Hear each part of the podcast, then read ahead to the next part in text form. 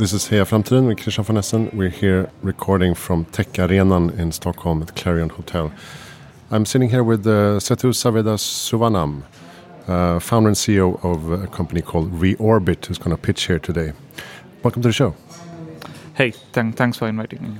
You're going to pitch in an hour, but uh, you get to pitch to me now. Tell me about Reorbit. What is what is it that you do? So, I think before I go into what we do, uh, probably sort of warm you up with how space has been working in last 64 years and then try to connect what we yeah, do. Yeah. So if you if you look at like ever since Sputnik 1, which is the first satellite that's been launched all the way till the satellite that would have been launched today or yesterday, the basic way the satellites are done actually pretty similar. So so they're very monolithic meaning that there's too much of redundancies, too much of ad hocness. So each time there's a customer coming in, you customize there's quite a lot of uh, you know manual operations. So so almost every satellite that up uh, is actually quite dumb. So so there's a lot of reliance on a human sitting back on the Earth, and, and there's a lot of babysitting for every satellite. Mm. Uh, and also today the way satellites are built are, are really focused on functionality rather than utility. So say for instance there's an operator who launches a satellite. And, and, uh, and then they have a payload which is typically a camera to take pictures of the Earth couple of years down the line, the payload evolves because of the growing technology uh, evolution. And then what these operators today do is just dump the satellite, which is fully functional, and then get this new payload, launch a new one. So, so thereby they're also polluting the space quite a bit. So what we are doing is we are now building satellites very much similar to the computers, the you know gaming PCs that we know today, where we focus on the software defined architectures and, and we treat hardware as a commodity. So, therefore, when a customer comes in, we say have a sandbox of software. And then today's space hardware is very well established. So, we go to the market, get the uh, exact hardware that we need for this customer, plug it in like what you how you plug USBs, and they're ready to go. So we are really taking away the customization. Also, our platforms are like highly autonomous. So we are basically making whole station keeping and, and everything quite autonomous. So basically, we are taking away the human involvement of space. So we are really building an intelligent system.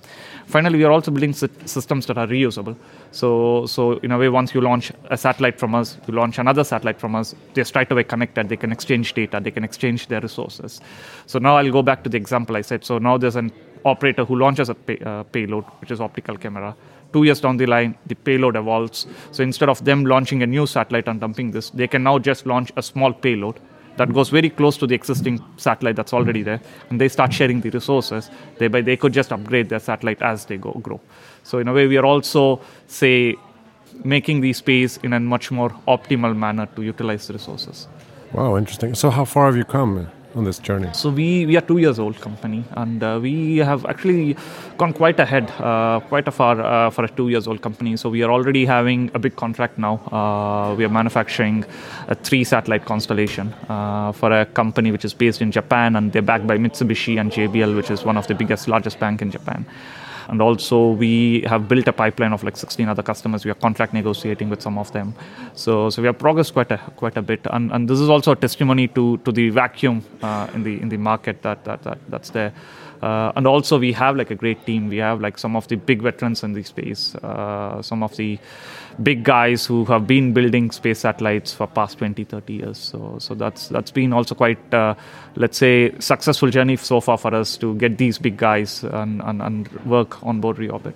Yeah because now space tech is all about uh, sustainability and uh, affordability. Yes. And you can uh, you can cut costs yeah. Uh, in an impressive range yeah. at yeah, the moment. exactly. I mean I, I, would put it this way. So space has gone through one revolution um, in last like say around 10 years ago which was primarily on, on miniaturization. So space has been like, let's say 20 years ago, uh, space has been just for the big guys. Uh, around like 10, 15 years ago, you know, space sort of started opening up for commercial applications, uh, primarily because of the miniaturization of, of the satellites. And now this miniaturization or this revolution has uh, given rise to like exponential increase in the number of satellites.